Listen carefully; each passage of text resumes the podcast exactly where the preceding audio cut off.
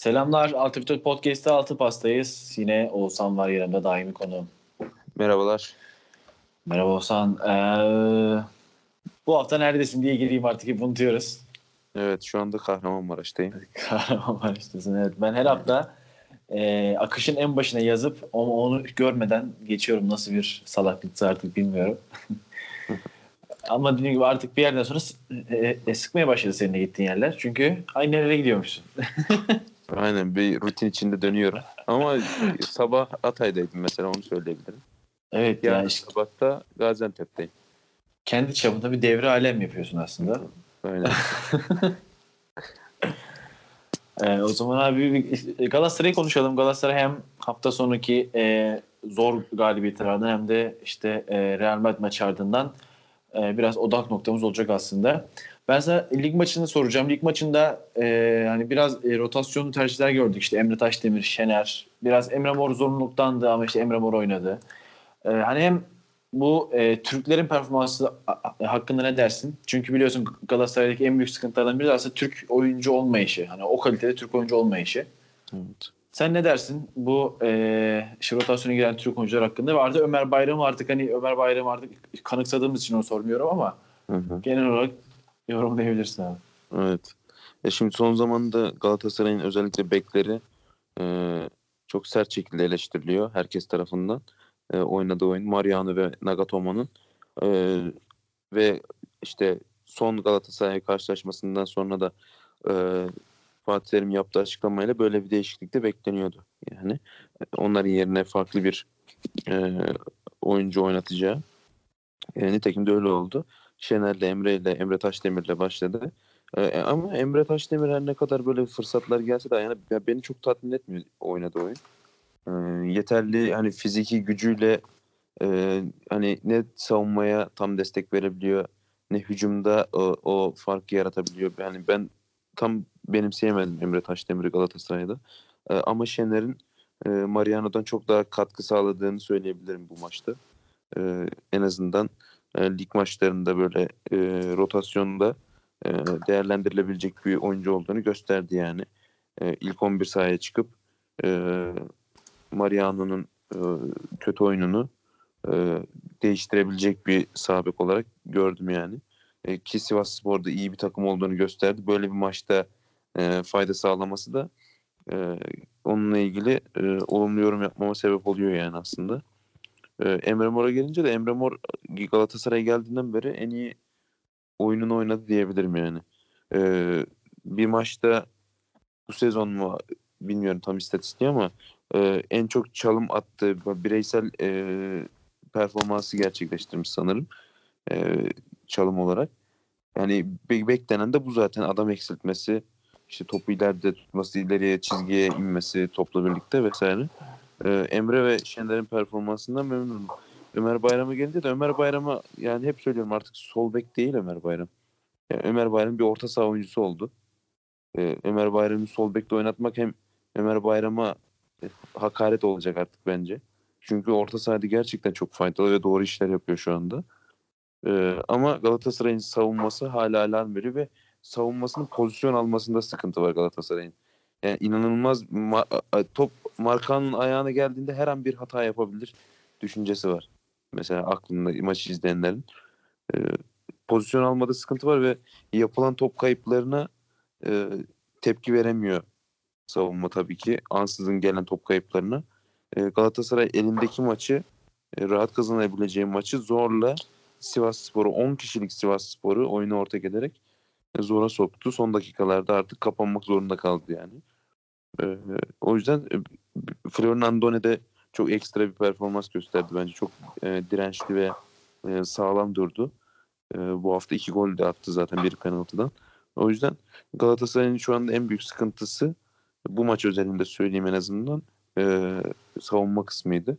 Ama kazanmayı bildi en azından. Önemliydi bu Galatasaray için. Evet, açıkçası ben şey bekliyordum. Ee, hani tam bir hani bir hafif bir e, e, rotasyon olacağı zaten barizdi. Hani sonuçta Real Madrid Evet. maç öncesi. Yani bütün takım olmasa da 3-5 oyuncu rotasyon olacaktı. Bir de hani karşısında Sivas'ın ne kadar e, canavar gibi oynadığını biliyoruz tabiri caizse. Aynen. Ben aslında tam bir puan kaybı maçı olarak görüyordum Galatasaray açısından. Ama hem işte gerek Sivas'ın 10 kişi kalışı hem de gerek hani e, rotasyonun e, sonuç vermesi diyeyim. Yani çünkü işte Emre Taşdemir'i ben de bir kenara bırakırsam hani e, rotasyona uğrayıp e, işte formayı alan oyuncuların hepsi asıl sahiplerinden daha iyi oynadı. Asıl mevkideki sahiplerinden daha iyi oynadı diyeyim yani. E, hmm. Doğru ifade edebildim bilmiyorum. Ve aslında Galatasaray bence iyi bir galibiyet almış olduğu gibi duruyor. Diyebilirim ben de. O zaman şeye geçelim abi. Hemen sana şunu soracağım. Ee, Real Madrid maçını izledin. Real Madrid maçında e, ben işte dinleyebildim sadece sesli olarak dinledim. Çok fazla Galatasaray'ın pozisyon kaçırdığını duydum. Sürekli Galatasaray pozisyonları kaçırdı. İşte sanırım e, Belhanda'ya seriye birkaç ıslıklama vesaire bir protesto tarzı bir şeyler oldu. Hı hı. Hani sen hem bana sorarsan az önce e, konuştuk. İyi bir sonuç. Yani hani Galatasaray e, Real Madrid yenmeyi bekleyemezsin. Türkiye'de hiçbir takım Real Madrid yenmedi diye ıslıklanmaz yani. Tepki gösterilmez. Ama sen ne dersin Real Madrid maçı ile ilgili? Bence iyi sonuç. Ya sonuç olarak baktım tabii e, Real Madrid gibi bir takıma 1-0 kaybetmek dediğin gibi çok problem yaratacak bir durum değil. Real Madrid de maça çok böyle baskılı bir ortamda oynadığını bildiği için e, çok hızlı başlamak istedi. E, erken bir golle Galatasaray'ın üstüne giderek e, işi bitirmeyi hedefledi. Ki maçın başında yine inanılmaz top kayıplarıyla işte gol de o şekilde geldi zaten. Ama gole kadar Real Madrid o baskı yaparken Galatasaray da ona tepki verip özellikle Andone ile e, arka arkaya pozisyonlara girdi. Bunlar etkili oldu ve oyunu biraz daha kontrol etmeye başladı Galatasaray. Abi evet. bu e, şeye ne diyorsun? E, hani e, bir beşli savunma gibi çıktı aslında Galatasaray ki çok normal olarak. Hani e, Donk'un da e, şey e, işte geride kabullendiğini düşünürsek oyunu artı Enzonzi'nin de zaten bir e, hani tam bir defans rotası olduğunu düşünürsek bayağı bir defansif bir takımla çıkmış oldu. E, ya, e, bunu nasıl yorumlarsın? Evet yani şimdi beklere baktığında 3 e, savunma ile çıktı yani Donku da onların arasına alarak. E, önlerinde seri çok kritik bir yerdeydi. E, seri ama işte dediğim gibi yani o kritik top kayıplarının sebebi seriydi. Birkaç tane atağın başlangıcına sebep oldu. E, golden önceki yaptığı top kaybıyla işte yine bir atağın başlamasına sebep oldu. E, yine beklemediğimiz bir hani kadroydu ama ileride e, Babel Belhanda Andone üçlüsü e, daha birbirine yakın hani 4-3-3 gibi e, şey 3-4-3 gibi e, oynadılar.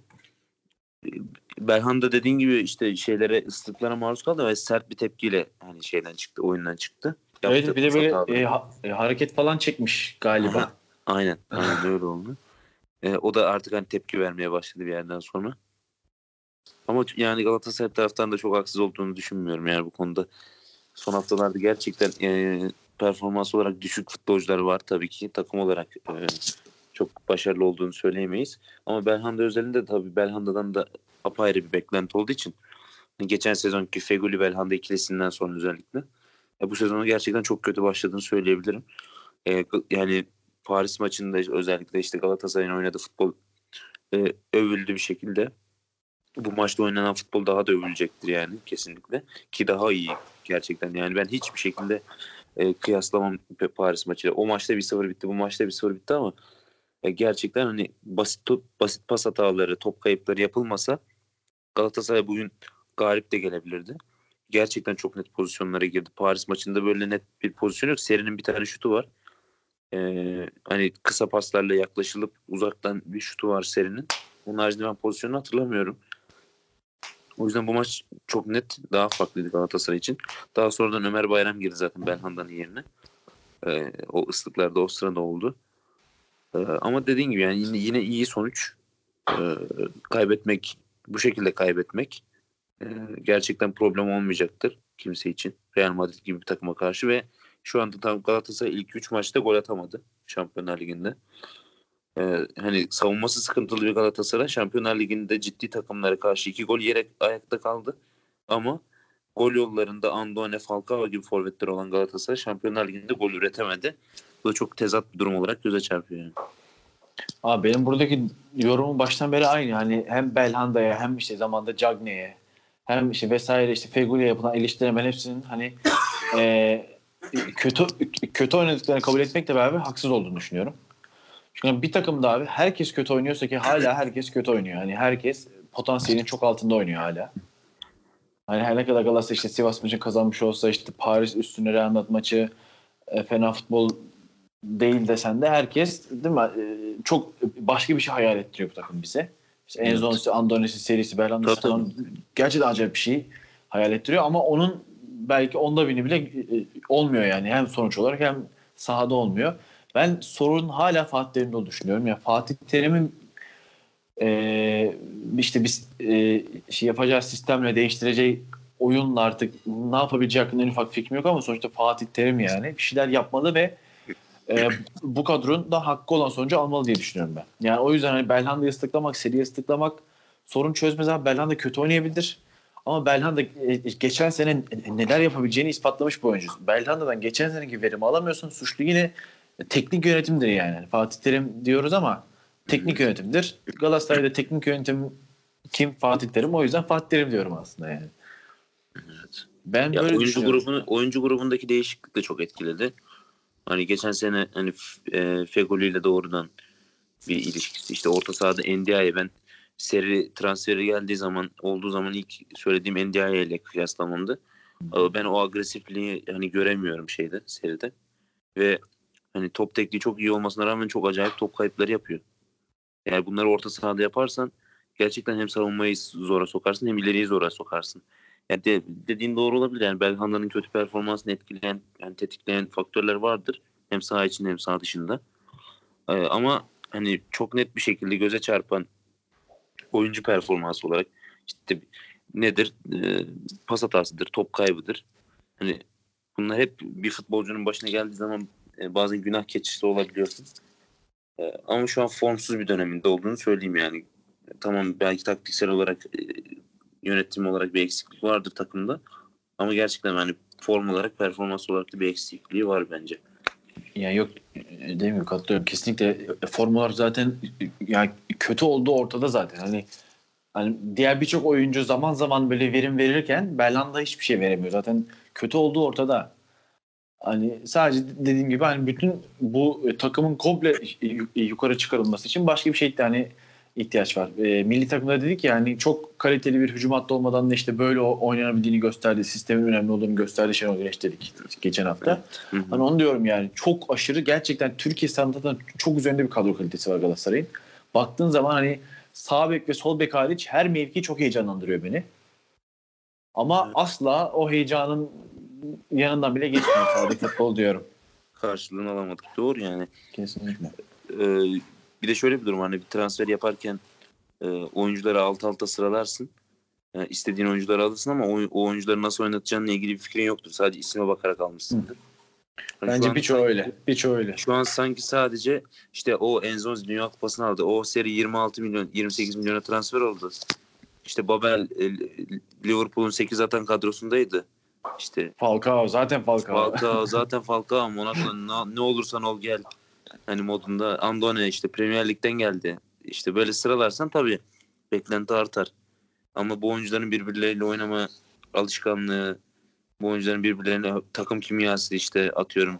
Hani burada Abdullah Avcı e, terimleri kullanmak istemiyorum çok fazla ama e, hani bunlar da etki eden faktörler. Hani bu oyuncular birbirleriyle uyum sağlayamazsa sen istersen Messi ile şeyi Luyendama'yı yan yana getir.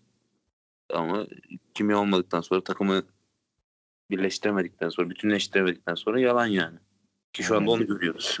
Bir de bu hafta e, Cagney'in bir röportajı vardı. Gördün mü? Mutlaka görmüşsündür. Şey diyor röportajcı işte Falcao geldiği gün eşime dedim ki diyor e, şey Galatasaray topu hücuma getiremediği sürece çok şey, çok ciddi konuşuyor. Toparlayacağım söyleyeceğim. Galatasaray topu hücuma getiremediği sürece Falcao da gol atamayacaktır tarzı bir cümle kurmuş abi. Yani evet. direkt böyle kurmadığına eminim bu cümleyi. Çünkü Cagney'de o kadar beyin olduğunu düşünmüyorum. Bu kadar ciddi bir kelime kuracak.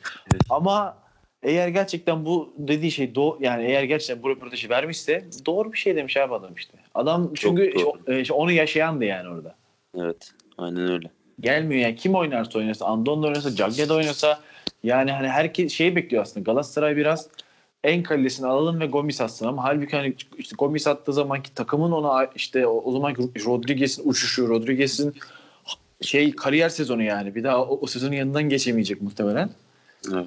İnanılmaz bir sezonla beraber işte Gomis'i oralara getirişi vesaire bunu kimse düşünmedi bence. Herkes dedi ki Cagney'i alalım, Türkiye gol kralı, Falcao'yu alalım, Yıldız ama hiçbir şey yapmıyor gerçekten hiçbiri.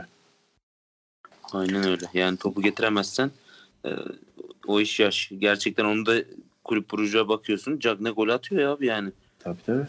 Getiremezsen atamaz. Ve Fenerbahçe maçında top bir defa Falcao, bir defa mı iki defa mı Falcao'nun ayağına geldi. Gol oldu değil mi? Biri o, gol oldu offside zaten. e, bugün Andoni'nin ayağına top geldi. E, adam pozisyona girebiliyor rahatça. Topu getirirsen girer zaten hani forvet. E, evet. Ondan sonra diyor ki bu adam gerçekten fos çıktı ikinci haftadan sonra.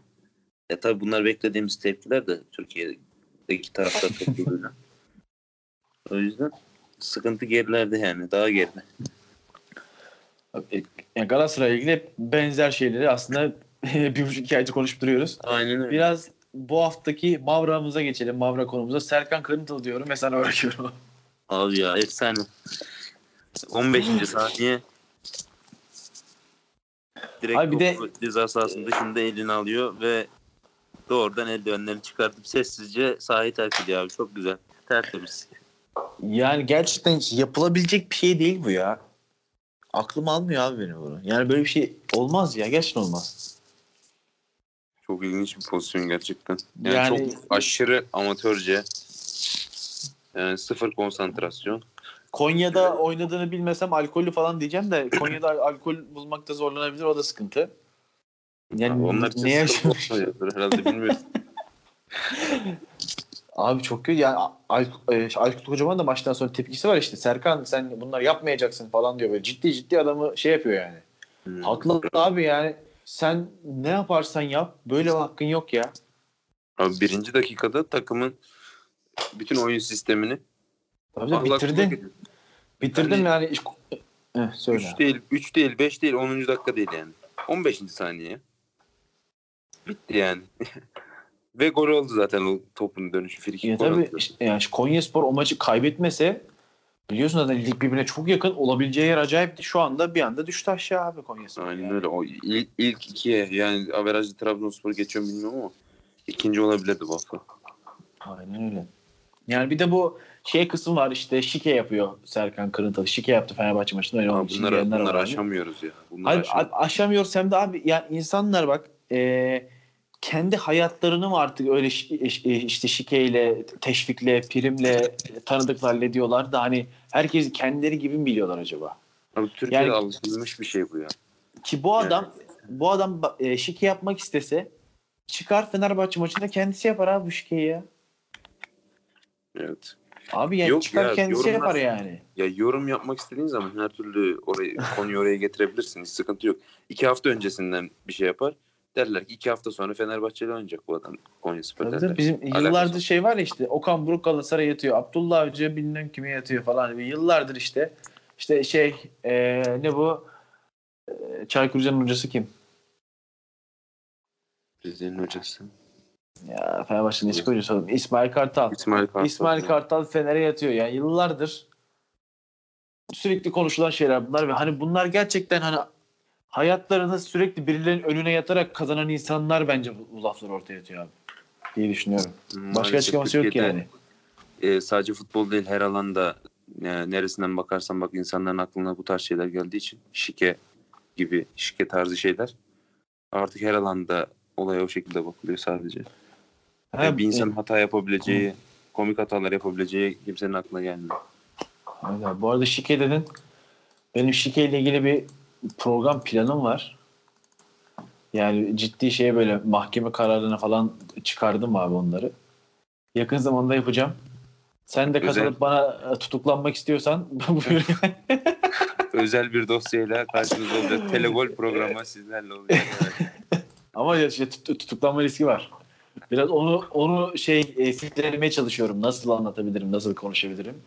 Ve artı e, ne dersem diyeyim e, Trabzonlardan, Fenerlilerden e, e, e, her iki taraftan da küfür yemeye e, devam edeceğim. Yani, yani ne dersem diyeyim iki taraftan da yiyeceğim ona eminim.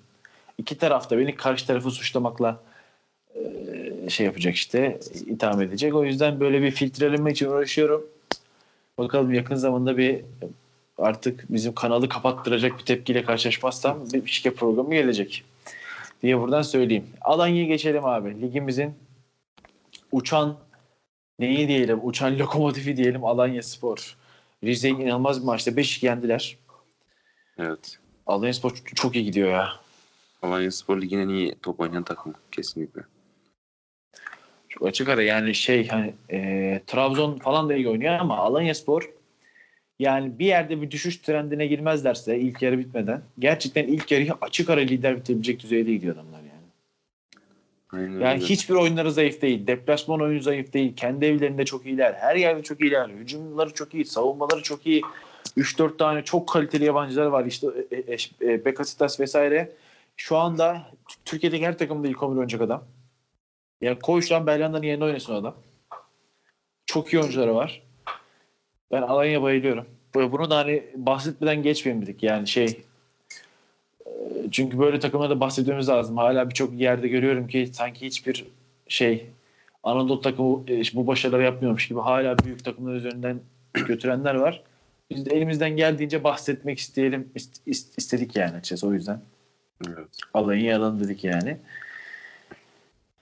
O zaman Fenerbahçe'ye geçelim abi. Fenerbahçe maçını yine sen bize bir çok kısa anlatırsan Fenerbahçe e, aslında biraz sürpriz başladı.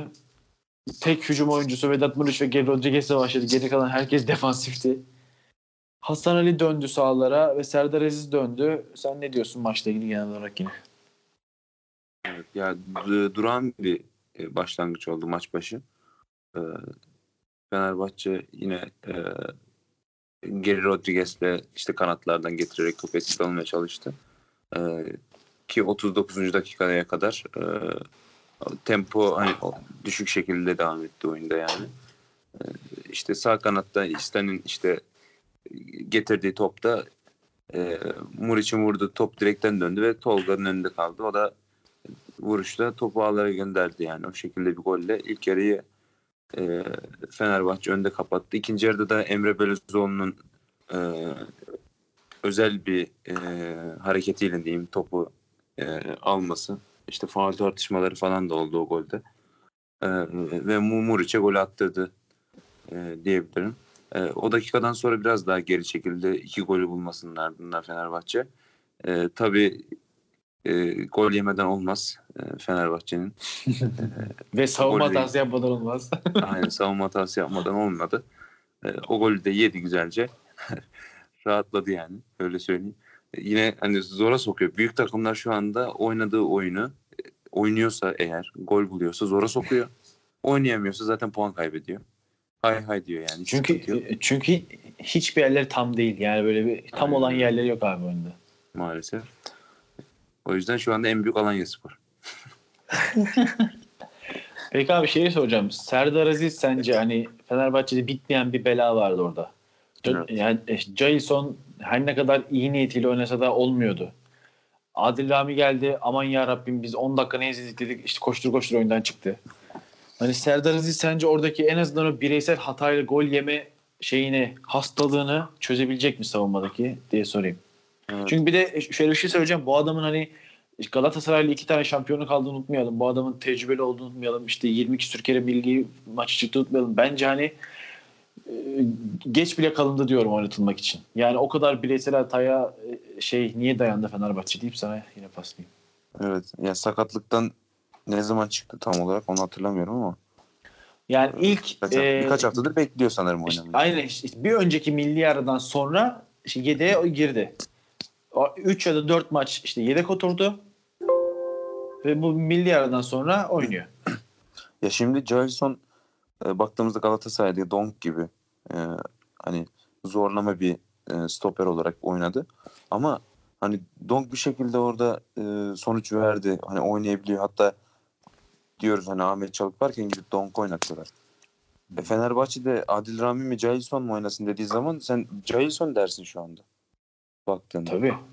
Ama Serdar Aziz var kenarda. Serdar Aziz'e de o gözle bakıldı. Adil Rami'ye bakıldığı gibi Jailson oynasın gözüyle bakıldı ama Denizli Spor maçında oynadığı oyun gerçekten hani e, onlara nazaran en azından e, tamamen üst seviye ve Serdar Aziz'den hani Galatasaray'da şampiyon olduğu sezonda verdiği katkıya baktığımız zaman tam yeterli olmasa da yine de e, Fenerbahçe savunmasında e, ileriye götürebilecek e, düzeyde bence.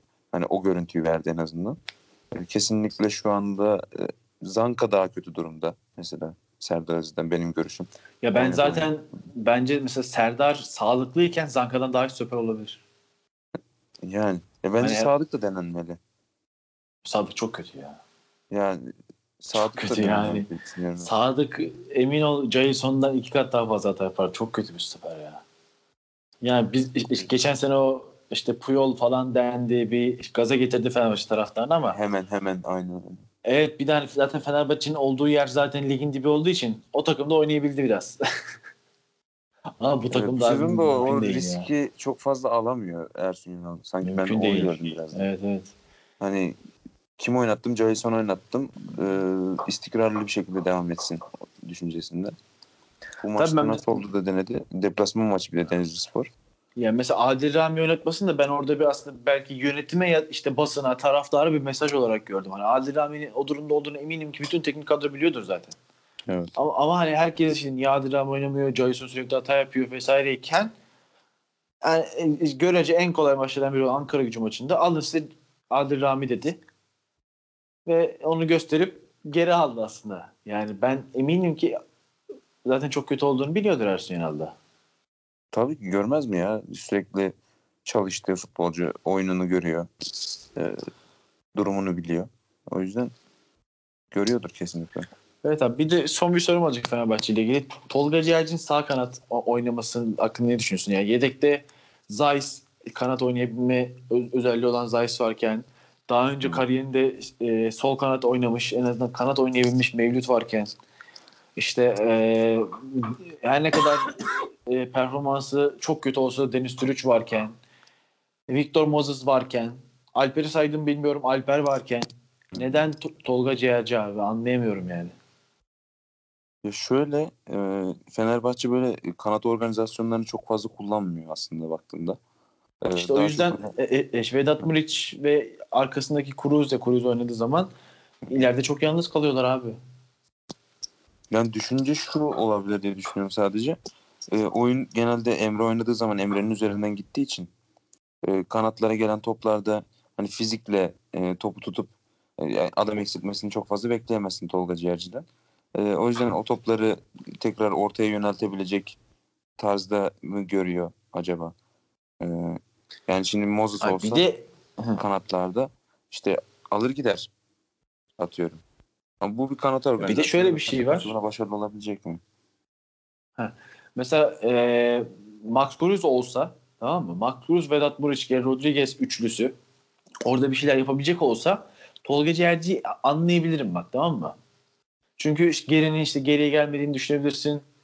Hani e, e, işte Cruz ki Cruz'la Rodriguez'in iyi anlaştığını birkaç maçta gördük. Aynı Vedat de bunlara katıldığını. Hani ileride öyle üçlü bir hücum hattı yapıp yani bir organizasyon yaratabilecek bir ekip yapıp arkayı da işte Tolga'yla, Ozan'la, Gustavo Emre'yle bu dördün üçüyle tutabilirsin ve Tolga niye sağ kanatta oynuyor demem abi ama hani sadece Vedat Muriç'in ileride olduğu ve Geri Rodriguez'in sol kanattan bir şeyler yapmaya çalıştığı bir takım hücum yapma ihtimali yok.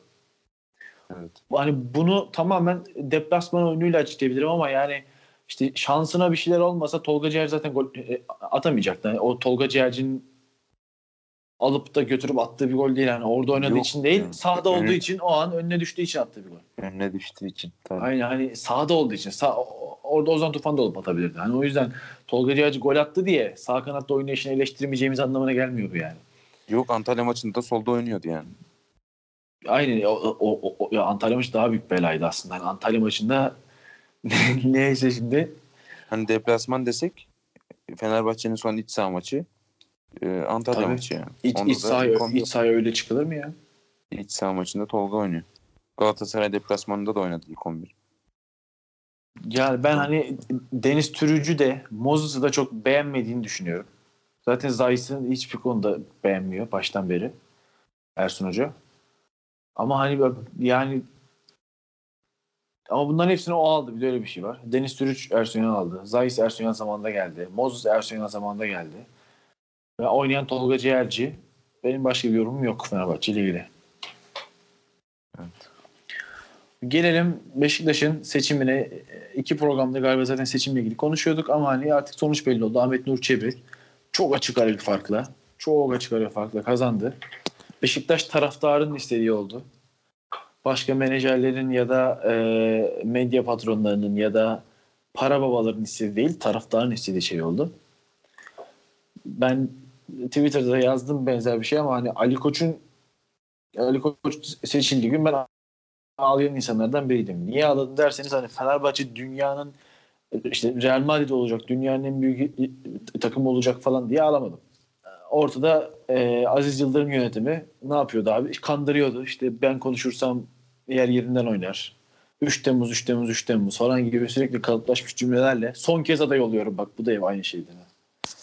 Son kez aday oluyorum deyip 8. kere aday olmasıyla hani sürekli evet. insanları kandırarak e, şey lafı var ya bir laf var hani mü, müteahhit zihniyetiyle yönetiyor diyorlardı. Aynen öyle. O müteahhit zihniyetten kurtulmak, biraz daha açılmak, biraz daha işte şeffaf olmak adına ben çok sevinmiştim. Her ne kadar Ali Koç'ta hayal ettiğim ve birçok Fenerbahçe tarafından hayal ettiği kadar olmasa da e, en azından daha akıllı bir e, şey yönetim sürdüğünü söyleyebilirim. Ambit Nurçevi'de de çok benzer bir şey istiyordum. Gerçekten Fikret Orman'da da yine birkaç yıldır küçük Aziz demeye başlamıştım ben kendi kendime. Aziz Yıldırımlaşma diye yorumluyordum. Yani üstüne bir de Yıldırım Demirören şeyi var abi burada. Yıldırım Demirören e, ne derse o olur diyenler var mesela. Hı hı. Bütün tabular yıkıldı. Ahmet Nurçebi başkan oldu. Sen ne düşünüyorsun yine Ahmet Nurçebi ile ilgili ve e, Abdullah Avcı ile Ocağa kadar devam ediyoruz dedi. Bu karar hakkında ne dersin? Yani yeni yönetim böyle e, tabii ligin bir belli bir seviyesinde oldukları için e, en azından fevri bir karar vermemek adına e, yönetimsel olarak e, olaya müdahale edip takımın biraz daha düzenlemesini amaçlayacaklar en azından ilk etapta öyle görünüyor. E, dediğin gibi Beşiktaş taraftarının istediği oldu. Beşiktaş taraftarı adına ben de e, sevindim. E, Serdal Adalı da Fikret Orman'a kaybettiği bir seçimin ardından e, ikinci kez sanırım başkanlık yarışını kaybediyor. E, umarım bir daha başkan adayı olmaz diye düşünüyorum. yani, e, Ahmet Nur Çebi'nin de e, umarım başkanlık koltuğuna yakışır bir şekilde bir yöneticilik yapması dileğim. E, kaliteli başkanlar e, olsun yani. Baron e, gö- gözüyle bakmayalım şeylere, kulüp başkanlarına. Gerçekten sporun başında olan, spor kulüplerinin başında olan başkanlar olsun. Tek isteğim bu yani.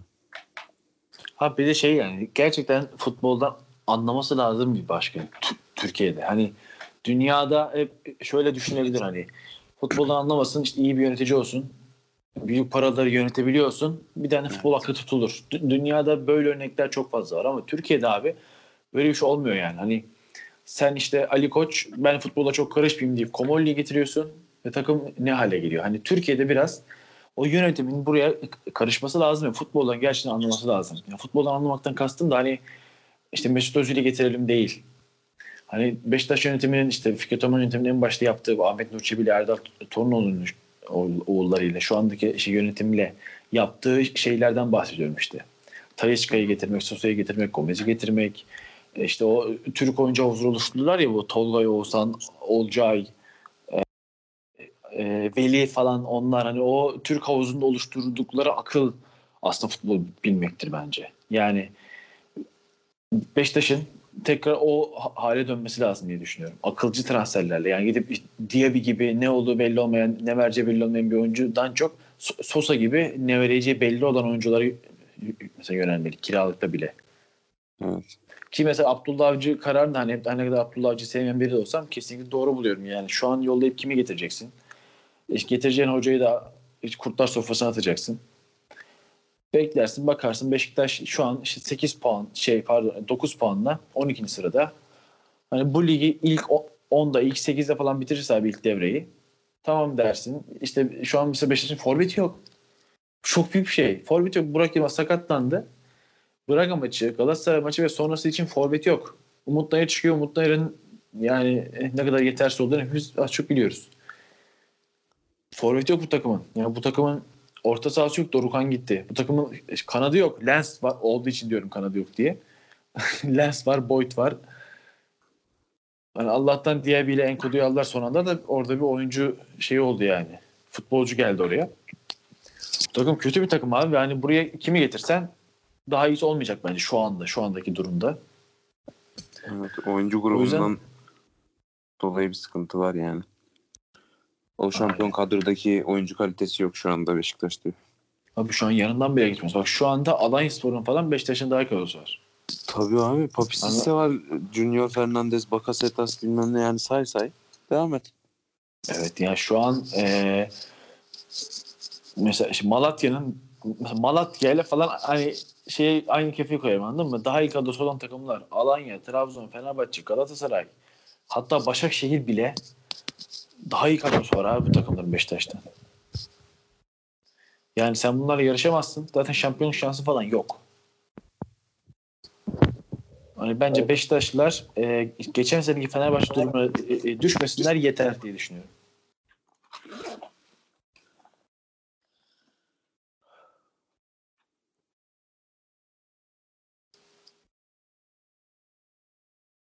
Alo.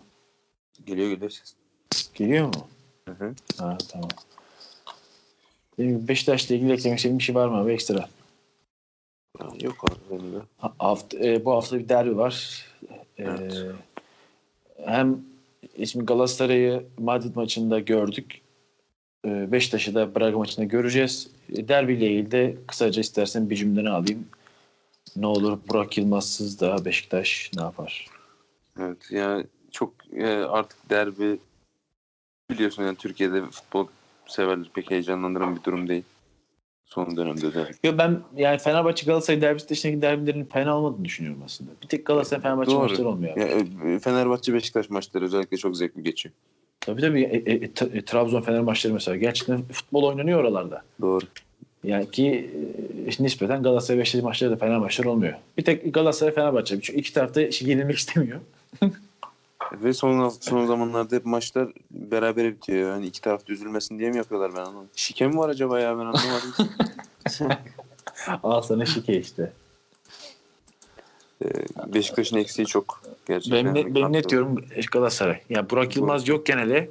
Pozisyona girme ihtimali yok Beşiktaş'ın. Çok net düşünüyorum. Abi Galatasaray'ın deplasman performansını da ben senin kadar net konuşamıyorum yani. Galatasaray kazanır diyemiyorum. Ee, yani Beşiktaş nasıl hücum edecek ki? Hangi yolda hücum edecek? Kimle hücum edecek? Hiçbir şey yok abi bu takımda. O kadar kötü ki Adem Laiç bence bu takımın en önemli, en, en yetenekli oyuncusu abi. En yetenekli oyuncusu Adem Laiç. Ama Adem Laiç orada da yok.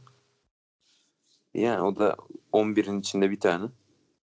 Yani gerçekten yok yani. Hani kim hücum yapacak? Nasıl gidecek? Umut Dayı mı oynayacak abi? Güven Yalçın mı oynayacak? Bu adamlar ikisi de çok iyi ders oyuncular.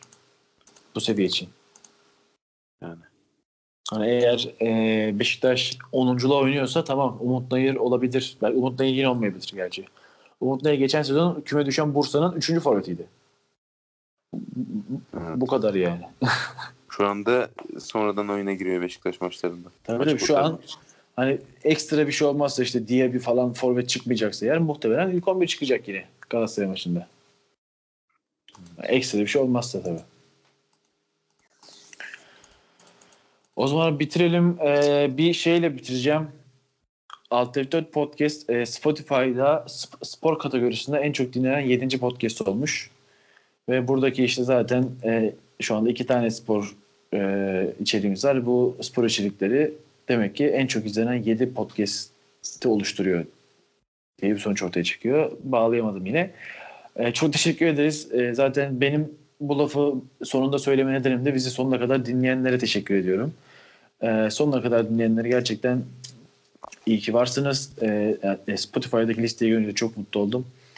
E, umarım daha kaliteli yayınlarda sizlerle beraber olmak için gerçekten uğraşıyoruz, düşünüyoruz, taşıyoruz, bir şeyler yapmaya çalışıyoruz. bütün podcastler için. Altı Pasta'da e, biraz daha hmm, aslında o şeyden çıkıp sahanın içindeki e, o Abdullah Avcı seven niye saldırayım mı? Yedi bak. Duramıyorum Abdullah Avcı'ya saldırmadan ya. Aynen. İşte o, o, o şeyden kurtulup teknik taktiğin boğuculuğundan kurtulup aslında biraz daha e, sahayı, futbolu anlatmaya çalışıyoruz elimizden geldiğince, dilimiz döndüğünce. Oğuzhan da benim daimi konuğum oluyor Altı Pasta. E, o yüzden çok teşekkür ederiz bizleri buraya kadar dinleyenler için. Teşekkür ediyoruz efendim. Kendinize iyi bakın. Haftaya e, Galatasaray Beşiktaş derbisinin ardından Altı Pasta görüşmek üzere. Hoşçakalın.